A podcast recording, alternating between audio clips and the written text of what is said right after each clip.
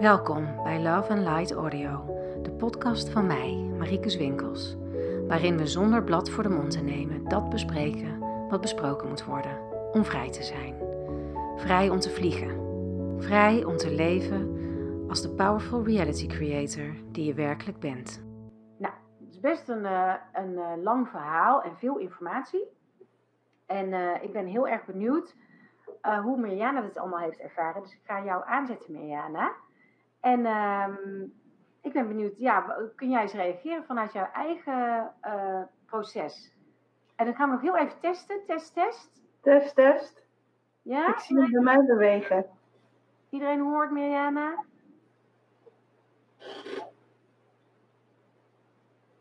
Top.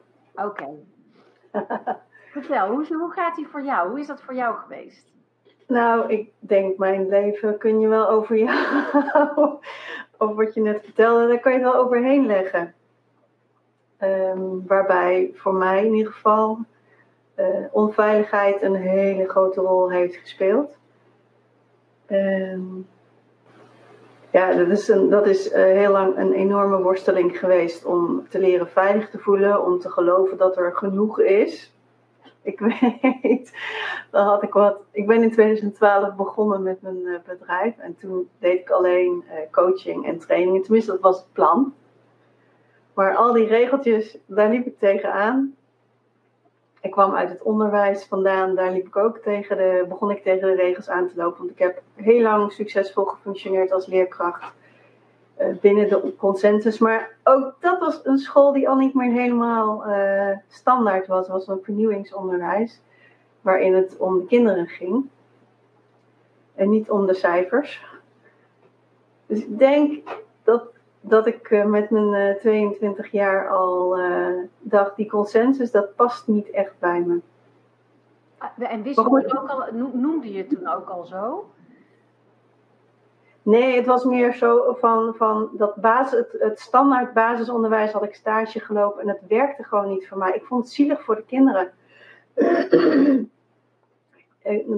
ik was op een kleuterschool en dan moesten de kinderen uh, pietjes maken en uh, met muizentrappen, handjes en voetjes. En toen zei ze, mogen zelf kiezen welke kleuren? En toen zei ik, ja, tuurlijk.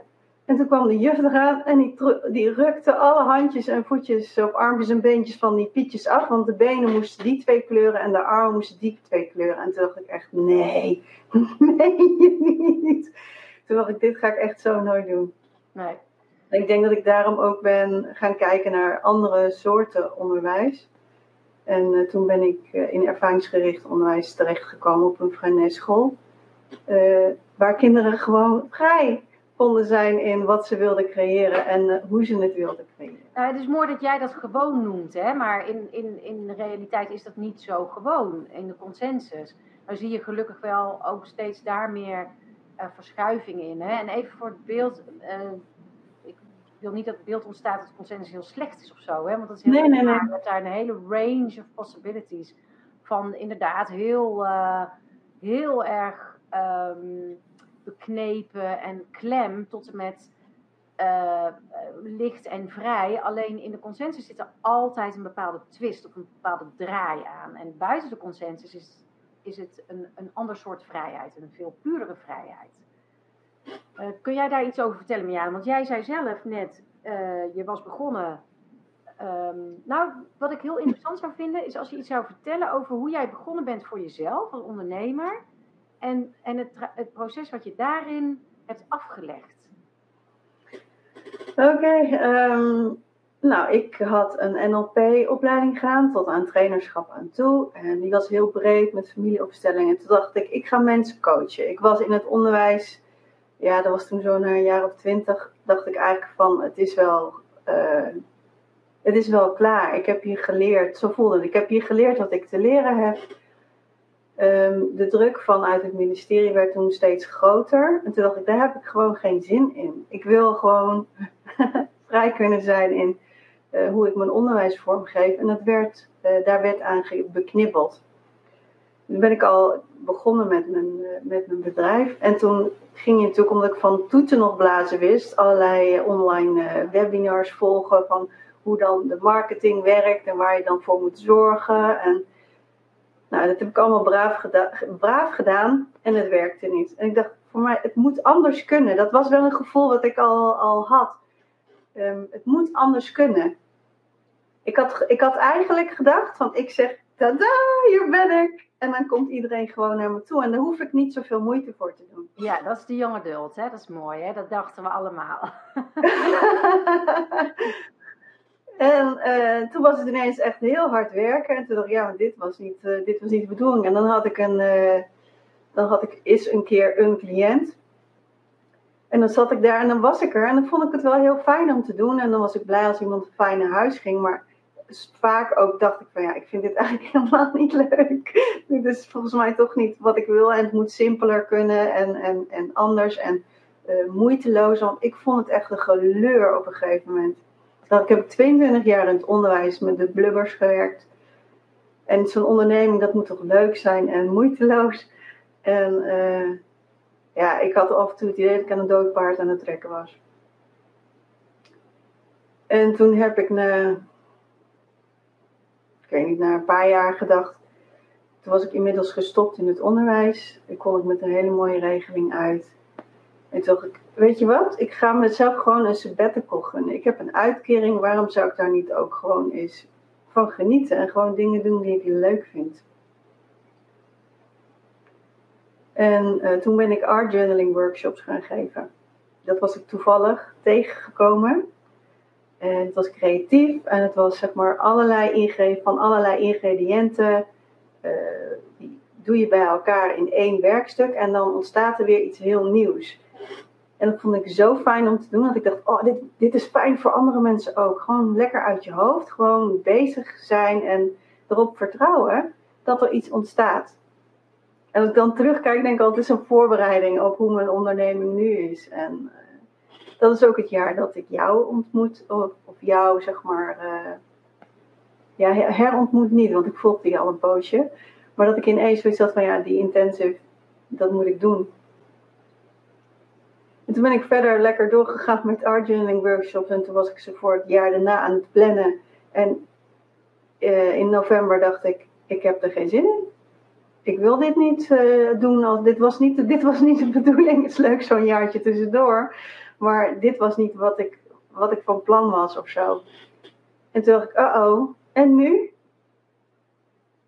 En inmiddels was mijn, uh, en dan is vertrouwen echt wel heel belangrijk. Inmiddels was mijn innerlijke vertrouwen uh, door een aantal dingen bevestigd. En dat was zo krachtig geworden dat ik dacht: oké, dit is een heel duidelijk signaal. ik plan dus niks in. Wat ik wel ga doen, geen idee dat wist ik echt niet. Ik dacht, ja, en nu hoe en wat? Dus het was een paar keer heel diep in en uitademen en gewoon heel diep in mijn vertrouwen zakken van, nou, er gaat iets komen. En dan heb ik wel zo, zo dat stemmetje wat dan zegt, ja, maar je moet wel je huur betalen. En je uitkering houdt op.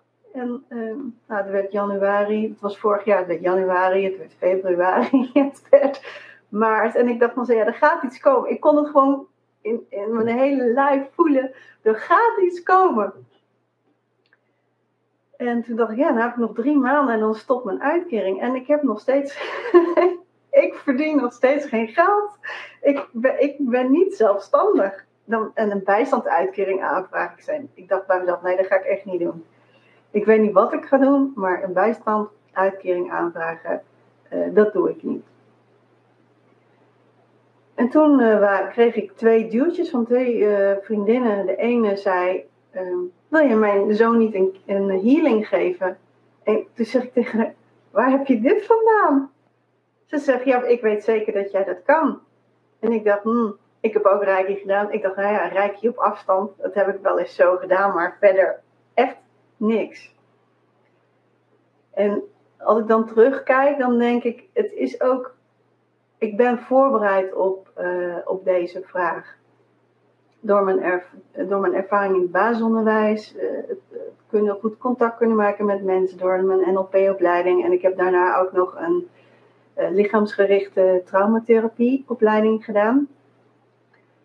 Waarbij je sensitiviteit en, en je, de resonantie die je hebt met een ander, zeg maar, heel erg uh, geschoold wordt.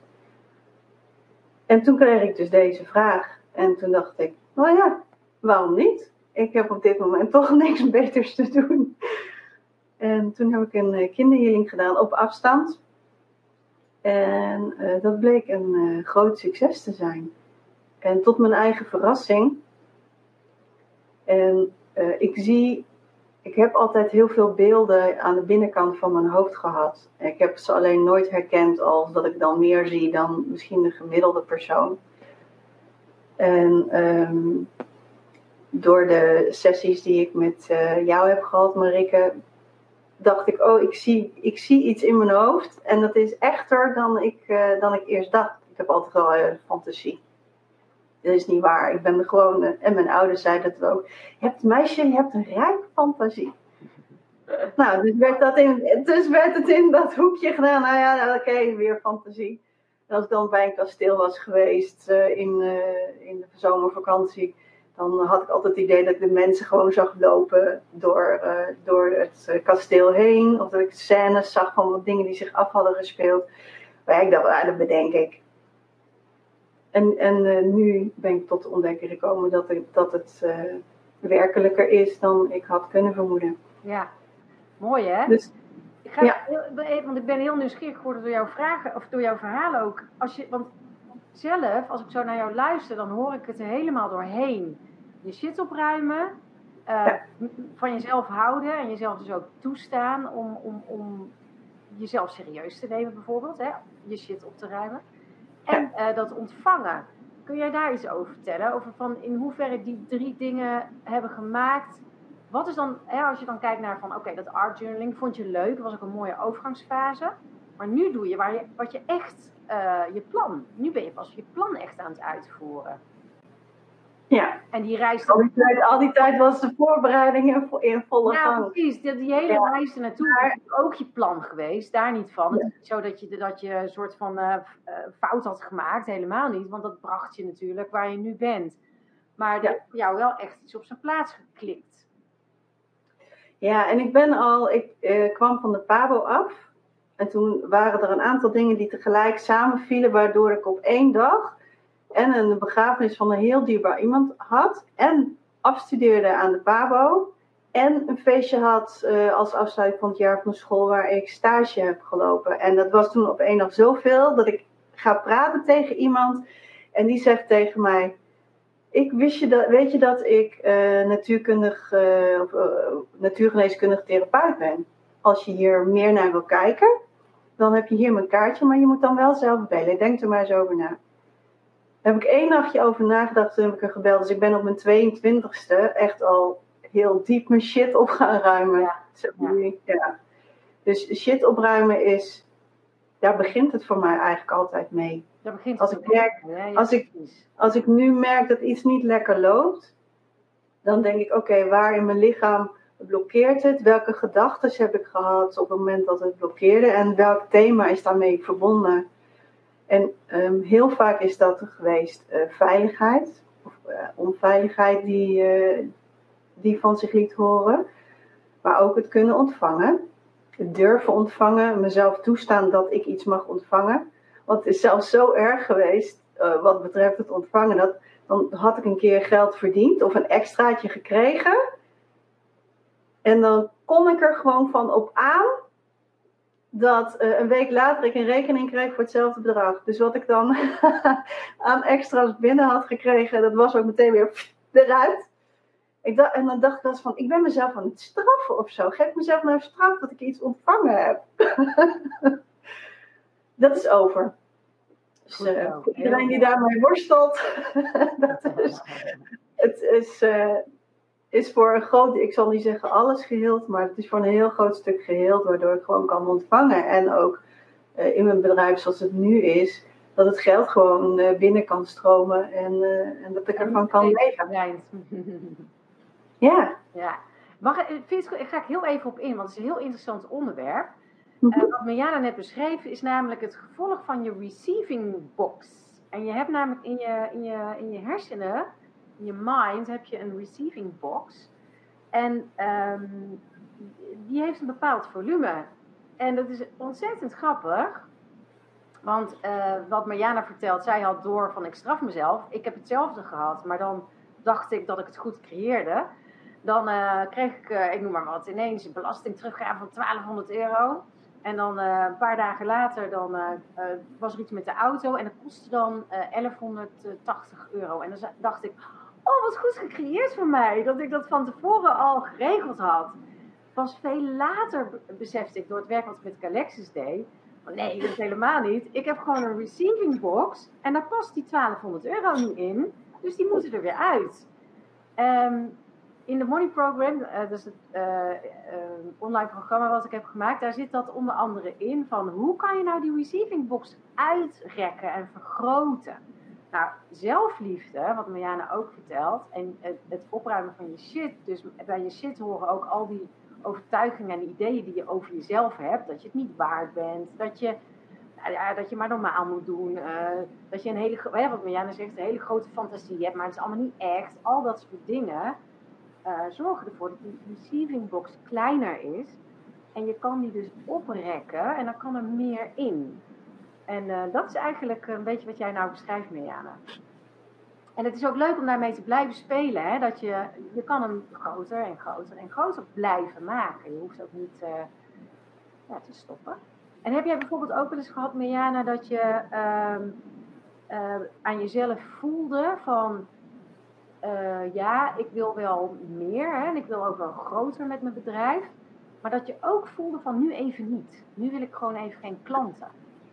En dan krijg je ze ook niet. En voordat je het weet, ga je dan denken, oh ik doe iets verkeerd want ik krijg geen klanten. Maar als je dan gaat onderzoeken, dan voel je eigenlijk van hé, hey, maar dat is eigenlijk heel fijn, want ik, wil, ik heb nu ook even geen ruimte. Ken je dat? Ja, ja. Ik, uh, ik zit zeg maar zo'n beetje nu in zo'n fase. Ik heb zeg maar precies genoeg klanten om, uh, om voldoende inkomen binnen te halen. En dat vind ik helemaal prima. En voor de rest heb ik veel tijd om... Uh, met mezelf door te brengen, omdat er een, nu een behoefte is aan uh, mezelf voeden en, on, en webinars volgen en cursussen, cursussen doen en zodat ik mezelf kan voeden. Um, en maar er is inmiddels wel zo groot vertrouwen dat als ik weet dat, dat ik zeg maar de deur weer openzet, dat ik gewoon hele volle weken uh, kan creëren, kan hebben. Dus dat heeft ook te maken met zelfvertrouwen, vertrouwen in je team ook. Want je werkt jij werkt ook met je team samen, in ja. inmiddels. Ja. Ja, en, en zeg maar ook um, energetisch met je bedrijf werken, maar ook energetisch met jezelf, met, met mezelf werken. Dat als ik voel dat er ergens blokkade zit, ik denk van nou, soms heb ik wel eens van, ik weet niet wat er aan de hand is, maar er, niemand, uh, niemand neemt contact op van hoe kan dat? En dan ga ik altijd eerst kijken bij mezelf in mijn eigen systeem van wat speelt daar, waardoor ik uh, niet zo open sta. En soms dan denk ik, oké, nee, dat heeft tijd nodig. En, en er zijn ook momenten waarop ik denk van, ja, kom op, uh, uh, uh, even, even, opruimen. En dan gaat de, kan de deur gewoon weer open. Ja, ja mooi is dat, hè? Ja, er is een, er, ik denk dat dat voor bijna, of nee, eigenlijk voor alle intensives wel geldt. Tijdens het proces is er sowieso een omklap, hè? Dat je dat je niet meer zozeer reageert op wat er in je omgeving gebeurt, maar dat je eerder intern gaat kijken ja. wat daar gebeurt. En hoe, er, hoe heb jij dat ervaren? Ja, ik was, en andersom is het ook zo, want dan kreeg ik vragen. Ik, heb één uh, cursus gegeven uh, rond art journaling en persoonlijke ontwikkeling. En toen kreeg ik, al, kreeg ik heel veel vragen van, en komt er nog een nieuwe cursus, nog een nieuwe cursus? En toen begon ik al te zeggen van ja, er komt een nieuwe. En later dacht ik, nou, daar heb ik helemaal geen zin in. Dus.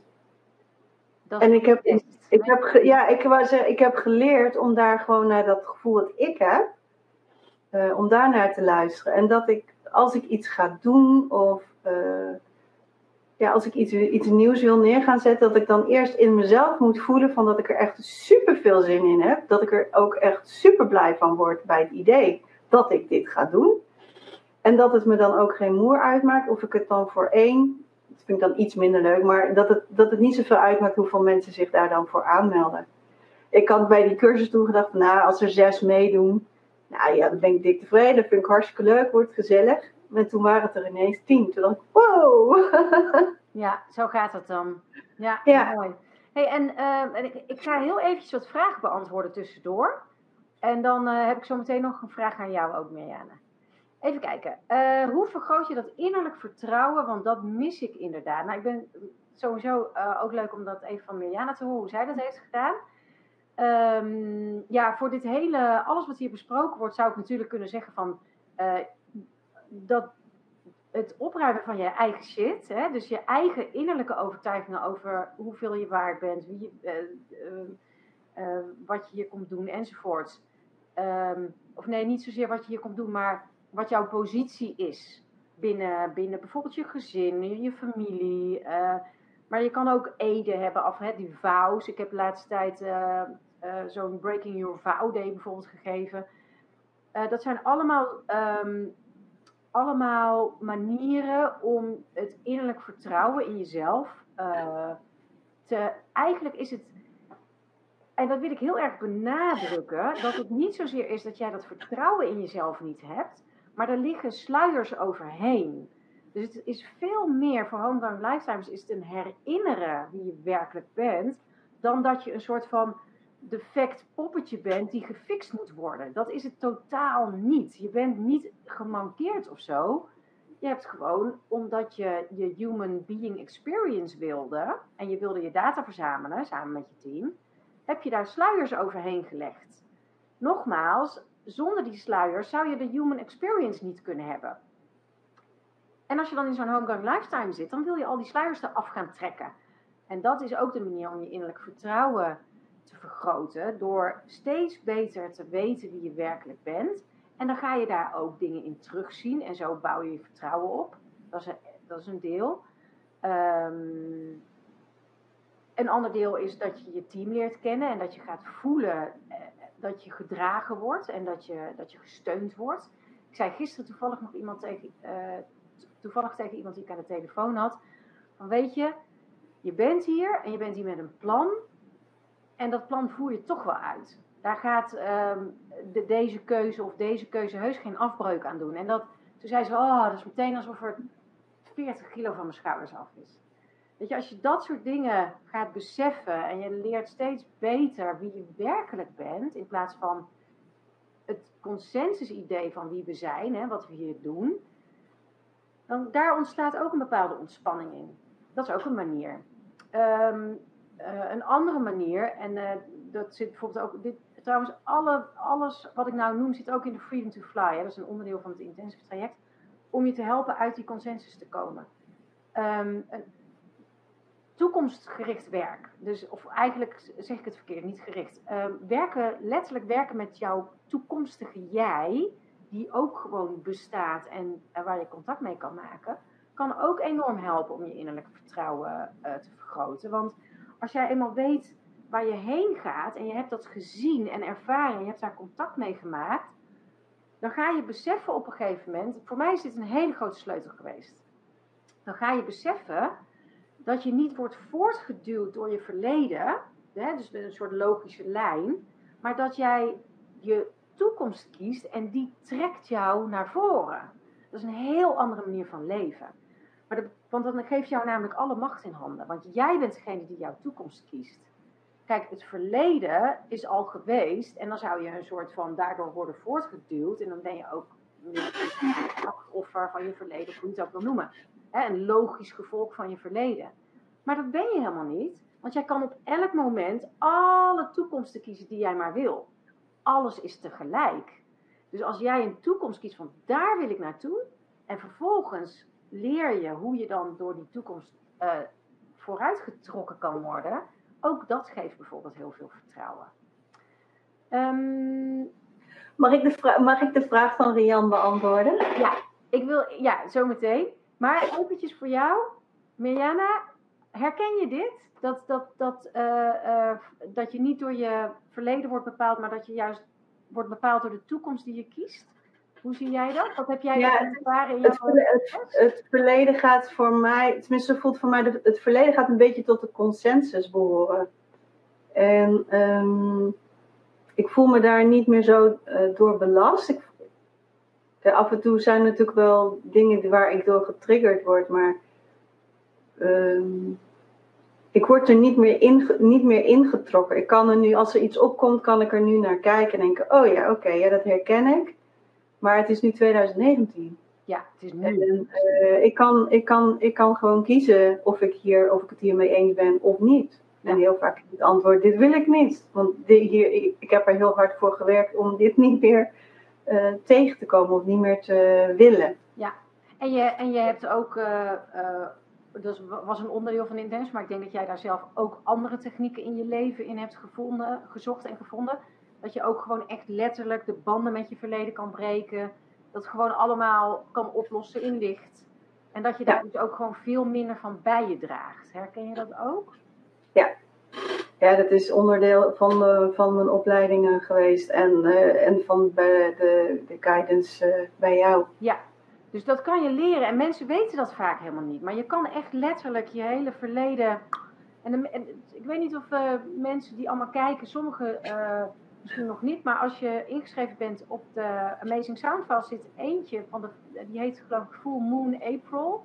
Daar zit een meditatie in waarin je dus je hele verleden loslaat. Dus gewoon, dat kan je zo uh, beluisteren. Daar hoef je verder niks voor te doen. Um, dus dat is misschien wel interessant om daar eens naar te kijken. Maar dat is in ieder geval een techniek die heel behulpzaam is. Even kijken. Dan komt Marieke. Wanneer is iets shit? Wanneer, was dat, wanneer is iets shit voor jou, uh, Mejana? als ik me van binnen uh, stroef voel, of als ik zeg maar, als ik merk dat mijn gedachten in kringetjes gaan rondlopen, of um, als iemand iets zegt en mijn hele lichaam en, en systeem gaat op tilt, dan weet ik, dit heeft te maken met uh, shit of met een oude verwonding of een overtuiging die in mij leeft. Ja, oké. Um, ik ga het nog ietsjes uh, verduidelijken. Um, je hebt namelijk op drie manieren shit, om het zo maar te zeggen. Je hebt, uh, als je binnenkomt, waar je dan ook maar binnenkomt, en bij ons is dat dan Nederland, dan heb je iets, en dat noem ik de consensus imprint. Binnen de consensus leven allemaal gedachten en ideeën. En uh, ik noem maar even een voorbeeldje. Jouw relatie met tijd, dat is een consensus imprint. De relatie met geld is een consensus imprint. Het is de manier waarop wij met elkaar afgesproken hebben, zo denken we over dit soort dingen. En die vind je heel vaak terug in bijvoorbeeld gezegdes of uh, ja, veelgevleugelde uitspraken, zoals bijvoorbeeld tijd is geld. Of ja, het leven is niet alleen maar leuk. Of, daar ken jij er ook nog eentje. Ik was al aan het denken. Ja. Um, nou ja, I don't know. Maar dat soort dingen, jullie, jullie snappen het vast wel. Consensus imprint. Ook, maar ook bijvoorbeeld, een ander mooi voorbeeld daarvan is de good girl. Hè, eh, is de consensus imprint dat, dat vrouwen, meisjes, dienen. En, dat is, en ik zeg helemaal niet dat alle mensen, human beings, daar zo over denken. Maar die imprint zit nog steeds in je systeem. En dat is best wel lastig dan om daar los van te komen. Om dat anders te zien. Dan is het eigenlijk al een, een soort energieverlies om daar anders over te denken. Dus je hebt consensus imprints. Daarnaast heb je ook uh, zelf gecreëerde shit. Namelijk, je, je hebt drie fases van ontwikkeling, of eigenlijk vier. Uh, je bent kind, puber, jongvolwassene en volwassene. En in je kindertijd uh, leer je, zal ik maar zeggen, of, of, of neem je aan allerlei shit rondom veiligheid. Ik ben niet veilig. Um, om veilig te zijn moet ik me goed gedragen. Om veilig te zijn moet ik me aan de regels houden. Als ik lief ben, krijg ik een snoepje. Als ik mijn best doe, dan krijg ik een plusje of een stickertje enzovoorts. Dus omtrent veiligheid. De puberteit doe je allerlei shit op omtrent um, erbij horen, belonging. Uh, als ik me niet aanpas, hoor ik er niet bij. Uh, ik kan verstoten worden. Ik kan um, uitgelachen worden. Schaamte is uh, een van de dingen die dan ook heel erg geïmplementeerd worden in de puberteit. En als young adult doe je heel veel shit op omtrent erkenning en waardering. Um, want je wil, je, wil, je wil erkenning en waardering, maar dat krijg je alleen als je aan bepaalde dingen voldoet binnen de consensus. Dus die zelf gecreëerde shit, die kan je alleen als volwassene. Mirjana geeft al aan, ik ben vanaf mijn 22e begonnen met het opruimen van mijn shit. En heel veel homegoing lifetimers zijn er vroeg bij. Ehm, maar echt het helemaal opruimen kan eigenlijk pas in je volwassenheid, omdat je in je uh, kind, puber en jongvolwassenheid nog heel erg aan het ontdekken bent hoe jouw relatie is tot de naaste mensen om je heen. En dan uh, als puber je leeftijdsgenoten om je heen. En als volwas, jongvolwassene de wereld om je heen. Dus je had die consensus imprint, zelf gecreëerde shit. En dan heb je ook nog. Um... Oh nee, sorry, ik zeg zelf gecreëerd. Nee, ik bedoel consensus imprint de pijn en het verdriet van kind, puber, young adult. Hè, dus die, die zijn niet vervuld geraakt, want het kind heeft niet genoeg veiligheid gehad. En de puber heeft niet genoeg belonging gehad. En de young adult heeft niet genoeg erkenning en waardering gehad. En alles wat daaromheen aan pijn en verdriet komt, dat is ook een onderdeel van je shit. En dan heb je nog zelf gecreëerde shit. En dat is bijvoorbeeld uh, de inner slave driver. Die creëer je in je young adult periode. Want dan ga je op een gegeven moment om je heen kijken en dan zie je van, oh, maar zij al halen. Oh, zij zijn succesvol. Oh, dat moet ik ook. En dan, uh, dan ga je bijvoorbeeld een inner slave driver creëren. Die heeft iedereen, echt iedereen. En um, die zul je op een gegeven moment als homegrown lifetimer ook op moeten, willen ruimen. Want je wil vrij zijn daarvan. Um, je hebt bijvoorbeeld ook de rebel in de puberteit. Of de Ivory Tower, hè, degene die zegt van eh, nee, ik sta daar boven, ik heb daar geen last van, het doet me niks. Terwijl dat niet waar is. Dat zijn zelf gecreëerde stukken. Dus dat is een beetje een uitgebreid antwoord op jouw vraag, Marike, maar het is ook een hele interessante vraag. Omdat het eigenlijk op het moment dat je gaat inzien dat je dus op al die niveaus uh, shit hebt, census imprint, uh, onvervulde stukken van je kind, je puber of je jonge adult, en zelfgecreëerde stukken om te overleven als kind, puber, jong dan wordt het eigenlijk ook makkelijker opruimen. Dan ga je eigenlijk veel af van, oh, dat is dit. En um, misschien wil jij daar ook nog iets over zeggen? Ik heb ja, in jouw proces op een gegeven moment ook heel vaak horen zeggen van, ja, maar dat was mijn kind. Of, oh, ik herkende dit stuk. En hoe behulpzaam is dat als je je zit op wil ruimen? Ja, dat, dat, was wel, dat was wel lekker helder, omdat je dan, um, zeg maar, kan, kan, kan adresseren. Dus dan, dan als er iets boven kwam, dan, oh ja, dat heeft met veiligheid te maken. Oké, dit is een, is een jong stuk. Uh, wat nu van zich laat horen, wat kan ik nu betekenen voor dit jonge stuk vanuit mijn uh, volwassen zelf. Dus dat, het onderscheid daarin vond ik zelf al, dat vind ik zelf wel heel fijn. En Waar, waar plaats je dan de, de belasting die je meeneemt vanuit vorige levens? Dat is even een vraag tussendoor. Uh, ja, dat is ook uh, uh, altijd. Belasting uit vorige levens is, zit hem ook altijd in een van die drie. Maar dan in, ja. van een ander leven. Ja, duidelijk. Ja, en, en het mooie is eigenlijk wat jij zegt, hè, Mirjana, en dat, dat vind ik heel mooi hoe je dat benoemt is dan kan je vanuit je adult kijken wat dat deel in jou dan vervolgens nodig heeft. En dat is weer die sleutel van zelfliefde. Dus hoe meer je van jezelf houdt, uh, hoe meer je ook je shit kunt opruimen. Want dan kan je met die liefde, die zelfliefde, kun je dat stuk, die, dat onvervulde kind, kun je vervullen. En die onvervulde, dus je kan dat onvervulde kind alsnog helemaal veilig maken. En die puber die er niet bij hoort, kun je alsnog helemaal vervullen. En die jongvolwassene die die erkenning en waardering niet heeft gehad, kun je alsnog zelf al die erkenning en waardering geven. En dat herken jij denk ik ook wel, want dat, dat heb ik jou wel heel erg zien doen ook.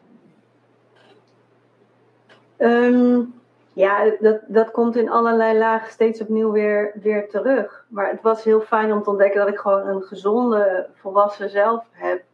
Die, die als ik wat ik belangrijk vond, was dat ik me dus zeg maar los kon maken. En dat ik van een afstandje kon kijken naar wat er boven kwam. En dat ik dan kon herkennen, uh, oh dat hoort bij die of die of die fase. En dat ik dan ook wist, meteen kon zien uh, en voelen wat, ik, wat dat stuk in mij nodig had. Maar dat was doordat ik in mijn volwassen zelf kon blijven en niet zeg maar meegesleept werd in het drama van uh, een van de andere stukken. Ja, en jij zegt, en dan kon ik zien wat het nodig had. En zou het jou verrassen als ik zeg dat er wel eens mensen zijn die bijvoorbeeld dan zeggen van ja, dan voelde ik dat mijn kind uh, liefde en vertrouwen nodig had, maar eigenlijk was maar ik kon het niet geven. Want dan voelde je bijvoorbeeld, de, de, niet jij, maar gewoon de, dat je het haar bijna niet gunt, omdat je nog steeds een bepaalde boosheid naar jezelf hebt. Heb je dat soort dingen ook meegemaakt? Nee, ik heb naar mezelf toe boosheid. Nee, mijn boosheid is meestal naar buiten gericht geweest. Nee, ik vond het wat ik, wat ik wel, niet boosheid, maar ik kon wel zeg maar heel verdrietig zijn voor de ervaringen van, van, een, van een kindstuk in mezelf. Dat ik dacht, ach meisje toch, ja, dat is voor jou heel zwaar geweest. Ja, en die erkenning is ook mooi hè? Ja, ja, dat, dat ben ik meer tegengekomen dan dat er, dan, dan dat er een stuk. Ik, mijn, mijn rebel is niet zo goed ontwikkeld. Nou, dat, dat is niet rebel hoor. Dat is, dat is, uh, rebel zit er meer in van. Uh, ik wil helemaal niet bij uh, die stomme maatschappij horen en iedereen is achterlijk behalve ik. Nee, dit stuk is meer een soort van kritische ouder in jezelf die dan dat kind die liefde niet wil geven. Die ontzegt. En dan is het dus uh, dan heb je dus zowel dat kinddeel te helen als die kritische ouder. Want die komt ook weer ergens vandaan. Ja, ik denk voor de, misschien wel door mijn ervaring in het onderwijs, voor, voor mijn innerlijke kindstuk heb ik altijd wel liefde en zachtheid op kunnen brengen. Voor mijn kritische ouderstem, uh, daar heb ik wat meer mee moeten stoeien. Daar ben ik wel heel kwaad op geweest. Oké, ja. Maar dat is ook belangrijk. Ik denk dat, uh, ik vind dat, ik ben blij dat, je dat, dat dat nu nog even ter sprake komt. Dat mensen wel beseffen van ja, de woede is een heel belangrijk deel van het hele proces van uit de consensus komen. Ja. En de woede toestaan ook. Kun je daar nog iets over zeggen? Ja, ik, ik denk voordat ik je ontmoette heb ik dat voor, al een, voor een heel groot deel uh, opgeruimd in, in mijn geval had ik veel woede naar mijn moeder toe en, mijn, en mijn op van hoe ze, mij, hoe ze met me om was gegaan. En dat ik het uh, vond dat er veel, me veel onrecht aangedaan was. Dus ik heb tijdens uh, mijn andere opleidingen heb ik oh, zo, zo verschrikkelijk veel woede uh, geuit. En, en steeds opnieuw, steeds opnieuw, totdat op een gegeven moment zeg maar een soort van op was. En ik kon voelen in de diepte dat ik ook nog een uh, stuk liefde voor haar heb. Mooi. Nou ja, die vraag van uh, Sandra, hè, van uh, dat innerlijk vertrouwen. Ik, ik denk dat een van de redenen, ik kom nou weer een mooie vraag, hè, van waarom is woede zo belangrijk? Omdat woede is de kurk op een fles. Want binnen onze maatschappij is woede gewoon zo dan, en zeker niet een boze vrouw. Hè. Een boze vrouw is een bitch. En niemand wil een bitch zijn. Dus woede wordt onderdrukt. En, maar je kan niet selectief onderdrukken. Dus als jij onderdrukt, dan onderdruk je, of je nou leuk vindt of niet, toch echt jezelf. En um, dat doen we vanaf kleins af aan, want kinderen die, uh, die hebben rond het tweede jaar de kinderpuberteit, noemen ze dat ook wel, de peuterpuberteit heet het zelfs. En uh, daar ontdekken ze dat ze uh, autonoom zijn, hè? dat is de periode in hun leven dat je je autonomie ontwikkelt. En, um, uh, maar tegelijkertijd ontdekken ze ook dat ze totaal afhankelijk zijn van de volwassenen om hun heen. En dat levert een enorme razernij op, want uh, boosheid plus machteloosheid is razernij. En daarom hebben al die kinderen die, uh, die tantrums. En in plaats van dat we ze laten, hè, die tantrums, dan gaan we ze negeren. Wat is hetzelfde als je liefde ontzeggen. Of we worden boos, wat is hetzelfde als verstoten. Uh, dus kinderen leren al vrij jong om hun woede te onderdrukken. Nou, nou zie ik al staan, je moet je grote mond houden inderdaad.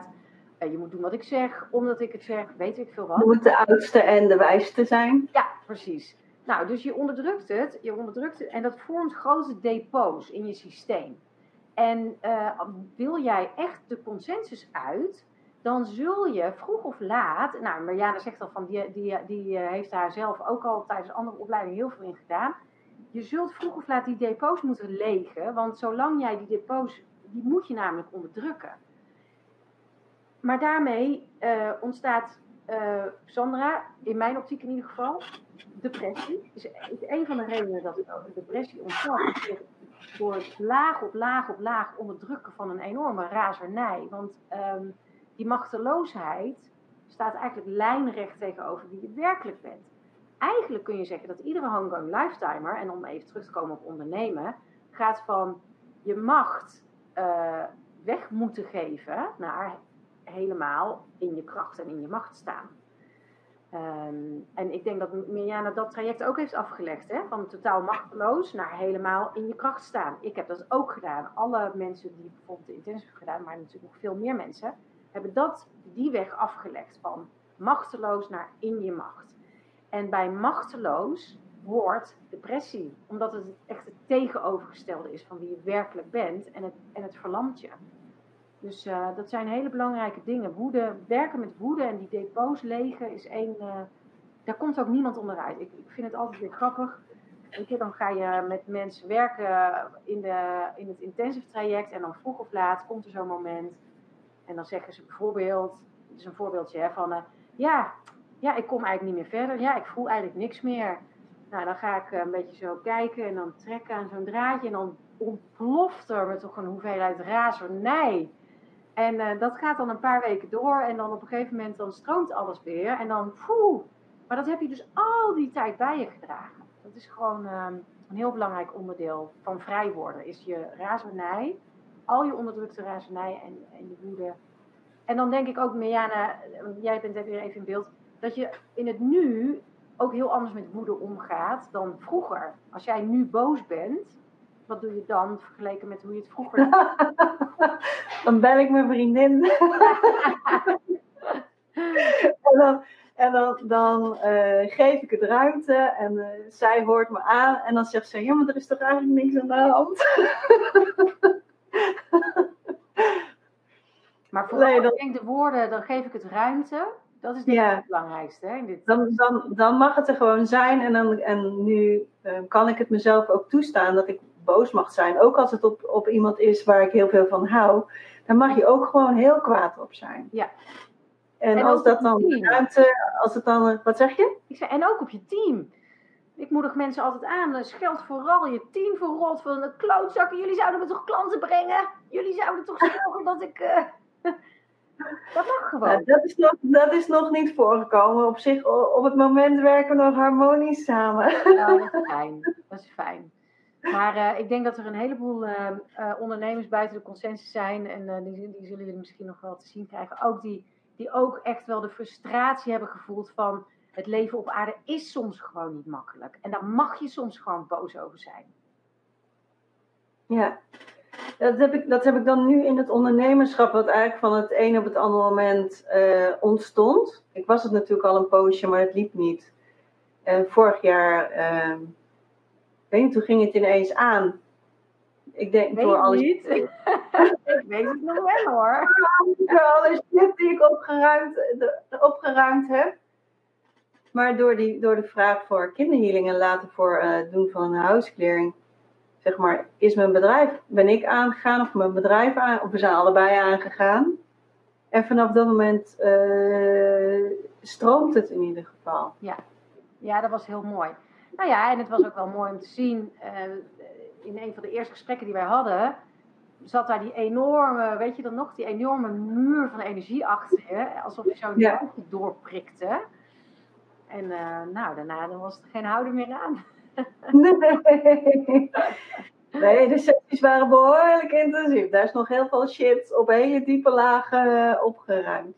Maar het is, het is uh, het is wel heel gaaf ook dat je gewoon uh, zo geshift bent.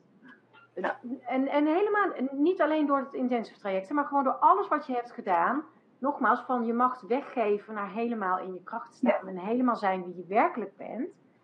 En uh, dat is ondernemen buiten de consensus. Dat je helemaal bent wie je werkelijk bent. Um, en dat je het dat, ook... En dat, dat je het inderdaad helemaal kan doen op je eigen manier en uh, ook naar wat jouw eigen behoeftes zijn. Ja. En daar komt dan ook bij, uh, dat gaat het dan inderdaad minder, dat je, dat je, maar heb je niks om de schuld te geven. Je moet ook volledige verantwoordelijkheid nemen. Ja. Wat vind je daarvan? Ja, dat is zo. Daar kan ik heel kort over zijn. Ja. Ik, ik kan zo sterk voelen dat ik het ben die, die dingen neerzet. En misschien, misschien zeg maar dat, er nog wel, dat ik nog uh, gepland heb dat er hobbels op mijn weg zijn. Dat weet ik, dat weet ik dan niet. Maar ik weet wel wat, dat ik iets kan doen aan de hobbels die eventueel komen en hoe ik daarmee om kan gaan. En ehm, ik raak niet in paniek op het moment dat het een week bijvoorbeeld niet zo, niet zo denderend uh, loopt qua aanmeldingen. Maar tot nog toe, iedere keer als het dan wat minder was, dan was, kwam het eigenlijk precies goed uit. Met iets wat er in mijn omgeving gebeurt of iets wat er in mezelf gaat, is dat het gewoon wat rustiger is. En dan ineens een week later uh, heb ik uh, werk voor drie weken. Dus ik, ik weet, de angst is verdwenen en uh, er is gewoon heel veel vertrouwen voor in de plaats gekomen dat, dat, het, dat ik gewoon op eigen benen sta en dat ik voor mijn eigen inkomen kan zorgen. Mooi, dank. Daar is niks meer tussen te krijgen. Nee. Maar de vraag van Rian, mag ik even? Net, ik wou net zeggen, en nu de vraag van Rian. ja. Ik kan, ik kan delen hoe ik ermee in contact ben gekomen. En dat kwam doordat ik een webinar van Marike luisterde. En toen had ze het ook over team. En toen lag ik s'avonds in bed. En toen dacht ik, nou, uh, ik heb een hele sceptische stem in mezelf. Die liet van zich horen van, nou ja, zeg, een, een team. En uh, hoezo een team? En ik merk er nooit iets van. En toen heb ik gezegd, nou team, als jullie er zijn, dan wil ik gewoon bewijs. En ik wil niet van die stomme veertjes, want die zie ik genoeg en dat vind ik nep. En um, ik ben gaan slapen. Ik ben het ook eigenlijk weer vergeten. En de volgende dag, toen uh, ging ik naar de winkel voor een regenjas. Oh nee, oh ja, en toen zei ik van, ik wil knikkers. Ik wil een knikker als, uh, als bewijs dat jullie er zijn. Vergeet ik bijna de clue. Toen ging ik naar de winkel om een uh, regenjas te halen. En toen was ik zo langs de schappen aan het lopen. En ik kijk naar rechts. En ineens staat er gewoon een hele schap vol met knikkerzakken. Met knikkers erin. En toen dacht ik, oh, ik heb het niet gezien, ik heb het niet gezien. dat kon ik natuurlijk niet meer... Uh, ja, ik, dat, ik moest, vond dat ik dan ook eerlijk moest zijn. Zo van, uh, ik had gevraagd om een uh, signaal en toen ik hem kreeg, wist ik het ook meteen dat het een signaal van mijn team was. Dus vanaf dat moment, ook al kan ik ze niet altijd goed voelen, ook al hoor ik niet altijd de boodschappen goed, ik weet wel dat ze er zijn door, dit, door deze gebeurtenis. En gewoon vragen stellen en, en, en ehm, ik kan, ik kan nu soms s'avonds in bed uh, liggen en denken van, nou team, stuur nog even wat uh, lijntjes uit naar uh, mensen die een fijne klant zijn voor mij. En zorg ervoor dat ze me vinden.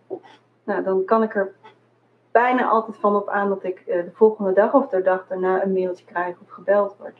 Dus ja, dat is heel fijn. Super hè? Ja, dat is echt heel fijn. Ja.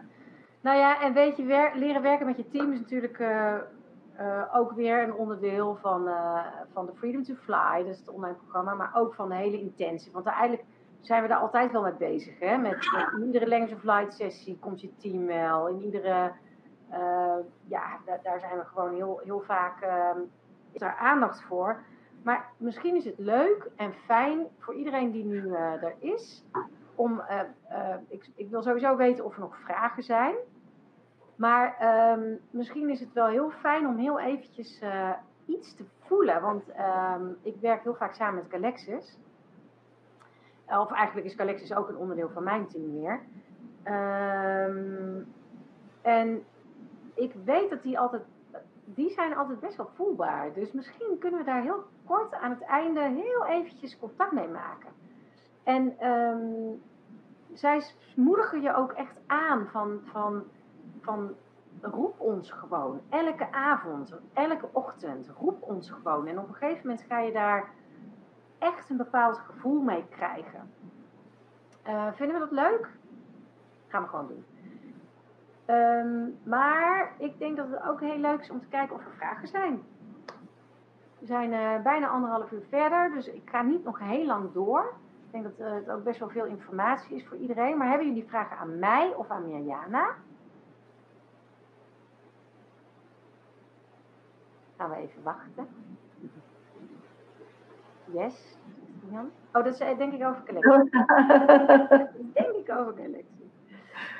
Oké. Okay. Oké.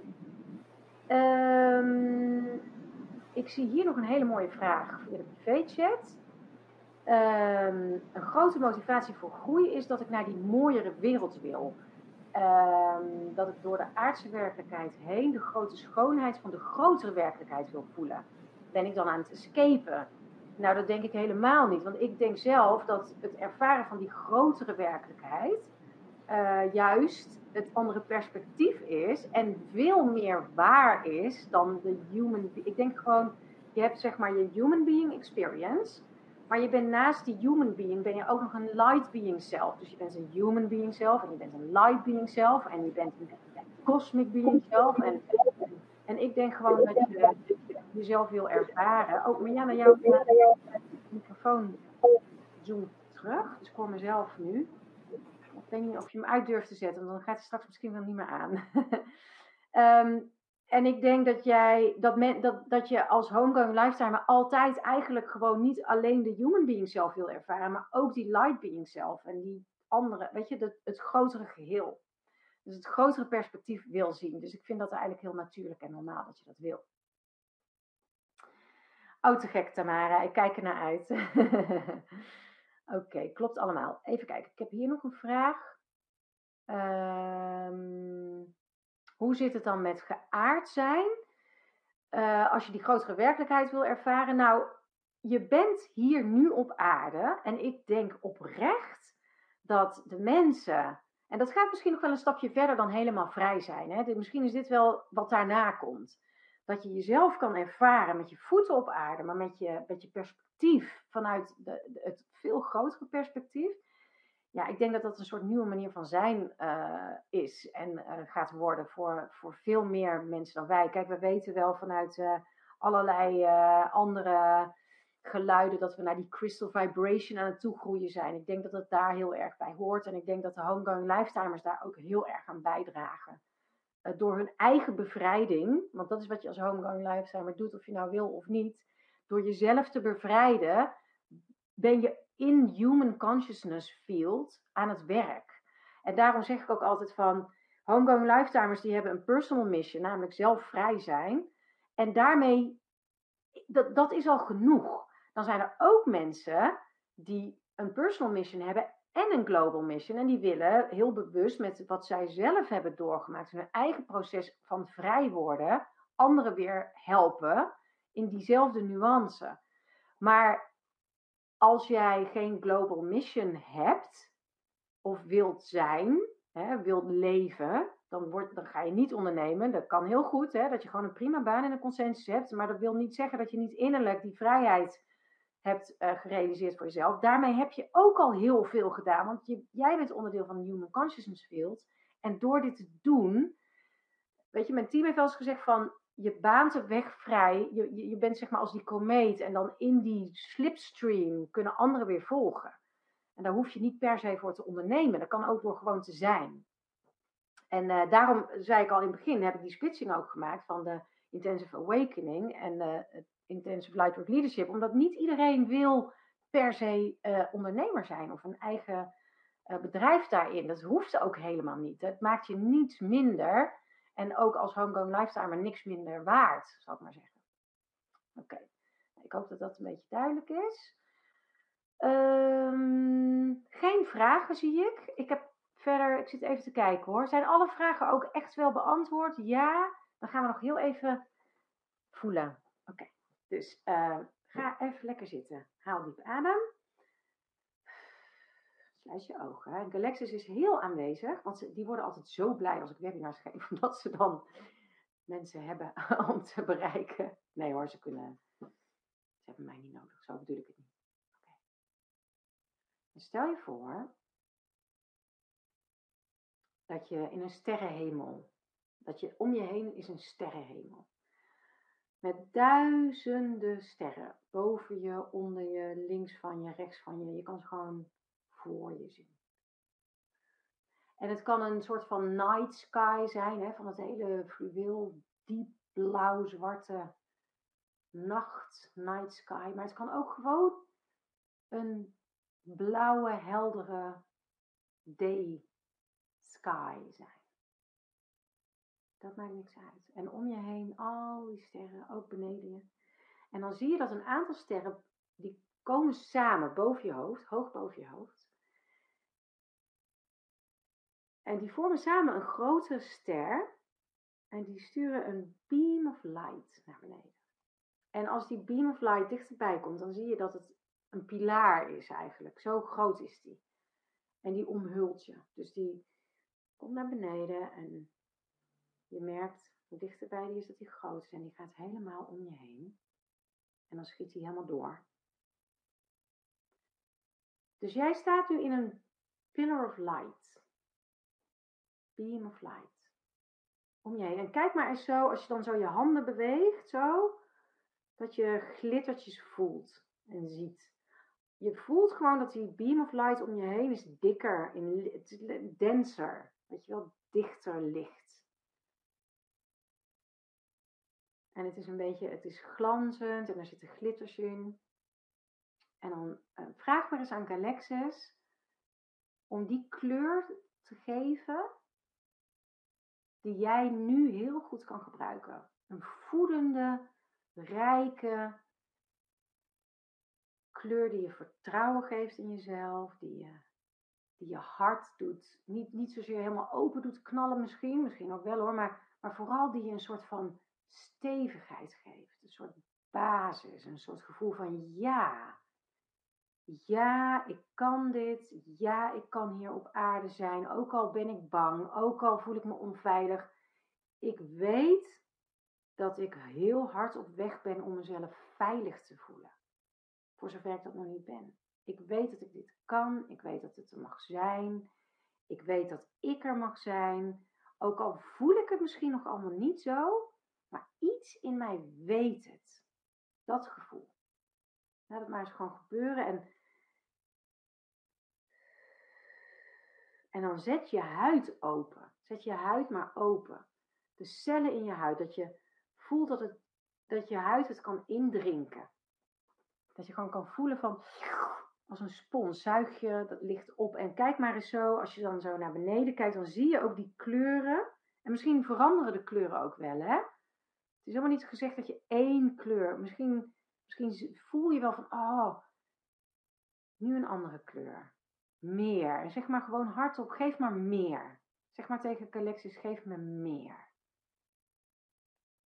En dan zie maar hoe die kleuren zo in je systeem komen en naar plekken gaan waar het nodig is. En dan voel maar eens gewoon in jezelf en zeg maar gewoon, I allow this. I allow this healing. I allow... Ik praat altijd in het Engels, daar moet je niks van uitzeggen. Je mag het gewoon in het Nederlands zeggen hoor. I allow this healing. I allow this love. I allow this taking care of me. I allow being taken care of. Oké. Hmm. En dan vraag je gewoon, zeg je, stel maar gewoon de stelling. Um, I allow Galexis to help me integrate deeper and deeper into myself, love and healing, safety, belonging, recognition, appreciation, value. I am worthy. I am worthy. I am loved. Zo, dat, dat. En je staat Galexis toe om dat dieper en dieper in je systeem te integreren.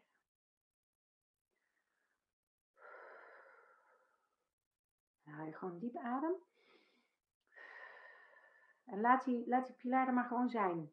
Doe je langzaam je ogen open en je kijkt rond. Kijk maar eens gewoon in je omgeving zo om je heen vanuit die pilaar die om je heen zit, kijk eens hoe dat dan voelt. Of, of je verschil ziet, zeg maar. Hè? Die, die, dat je helemaal omhuld bent door die dingen die ik net noemde. Die veiligheid, belonging, erkenning en waardering, liefde. Uh, dat je het waard bent. Dat er voor je gezorgd wordt. En dan van daaruit, hoe zou het leven eruit zien als je van daaruit kon leven? En dit kun je gewoon iedere avond en iedere ochtend voor jezelf vragen. Galexis is er meteen. Ze doen niets liever dan eh, met je werken en je te helpen jezelf te bevrijden. Dus, uh, nou, ik ben heel benieuwd. Misschien hebben jullie helemaal geen zin om uh, nog iets te zeggen. Wil je gewoon even in die energie blijven? Maar misschien zijn er wel vragen of wil je een stukje delen van wat je net voelde. Daar ben ik heel benieuwd naar. Ik zet even jou nog aan, Mariana. Jij in beeld? Wat voelde jij? Kon je, voelde je de energie? Ja, kriebels op mijn uh, huid. En uh, meer rust nog van binnen. Meer rust van binnen, ja, heerlijk is dat, hè? Die... Oké. Okay. Okay. Nou, voor de mensen die hebben gekeken, ook de mensen die nog later kijken, dit, deze, um, dit stukje wat we deden met Galaxis, dat maakt helemaal niet uit of je dit later hoort, want ze zijn er gewoon direct. Zij hebben een hele andere perceptie van space-time reality dan wij. Dus je hoeft niet bang te zijn dat je dat dan niet meekrijgt of zo, want ze zijn er volop en maken er ook echt gebruik van. Um, ik wil jullie heel erg hartelijk bedanken voor je aandacht en voor je vragen en uh, nou ja, voor alles uh, wat je mee hebt genomen hierin. Uh, ik hoop dat uh, wat ondernemen buiten de consensus is, weer wat duidelijker is geworden. Wat meer diepte heeft gekregen, dat, ze, dat je er meer beeld bij hebt. Ik hoop ook dat je stukjes hebt um, gevoeld en ge, ge, glimpsen hebt gezien van, oh, maar zo kan het dus ook. Want ja, zo kan het. Zowel Mirjana als José, als Esther, als ik en nog veel meer mensen doen het zo. En daarom vind ik het ook zo belangrijk dat je met dat je dat verhaal te horen krijgt. En dat je hoort van ja, um, het kan allemaal wel. Het kan echt vanuit mij en wie ik werkelijk ben. En Mirjana, ik wil jou ook super, super, super bedanken voor jouw verhaal en dat je mee hebt gedaan. Ik vind het echt heel leuk. Graag gedaan. Het webinar is nog twee weken lang te bekijken. En ik ga jou ook de replay link nog sturen. Dan, als je wil, kan je dat gewoon nog verspreiden onder iedereen die je kent. Uh, we kunnen, uh, ik ga de replay link niet zozeer posten. Um, en we gaan gewoon uh, um, zoveel mogelijk hierover praten. Zoveel mogelijk mensen bereiken om te laten weten van ja, je kan ondernemen buiten de consensus. Ja, je kan helemaal alles op je eigen manier doen. En, en, en wil jij nog iets zeggen uh, ten afsluiter, Miana? Het is leuk omdat het me ook weer aan het nadenken. Het is leuk om vragen te krijgen, omdat het me ook weer aan het nadenken zet van ja, hoe doe ik het nou eigenlijk? Omdat het al redelijk normaal weer aan het worden is, zeg maar. Leuk hè? Dus dan word je eigenlijk ja. zelf de consensus van jezelf. Ja. Mooi dat hè? Um, ik zie nog twee vragen. Het programma van het volgende webinar is anders. Ja, um, natuurlijk is er, zal er overlapping zijn. Want uh, ik ga er helemaal niet van uit dat de mensen die de volgende keer kijken deze ook hebben gezien. Maar um, José is volgende... Nee, sorry, Esther van Eerstel is volgende keer te gast. Dus die heeft ook weer een heel andere vraag, uh, verhaal. Dus er zullen ook wel weer andere vragen komen, andere thema's naar boven komen. Dus het is, ja, ik zou het zeker, uh, ik vind het zelf denk ik echt de moeite waard om uh, alle afleveringen te zien.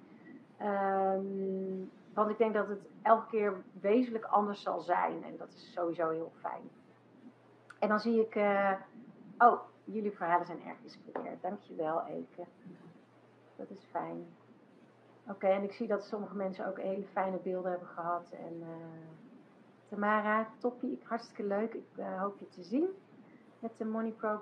Money, uh, ja.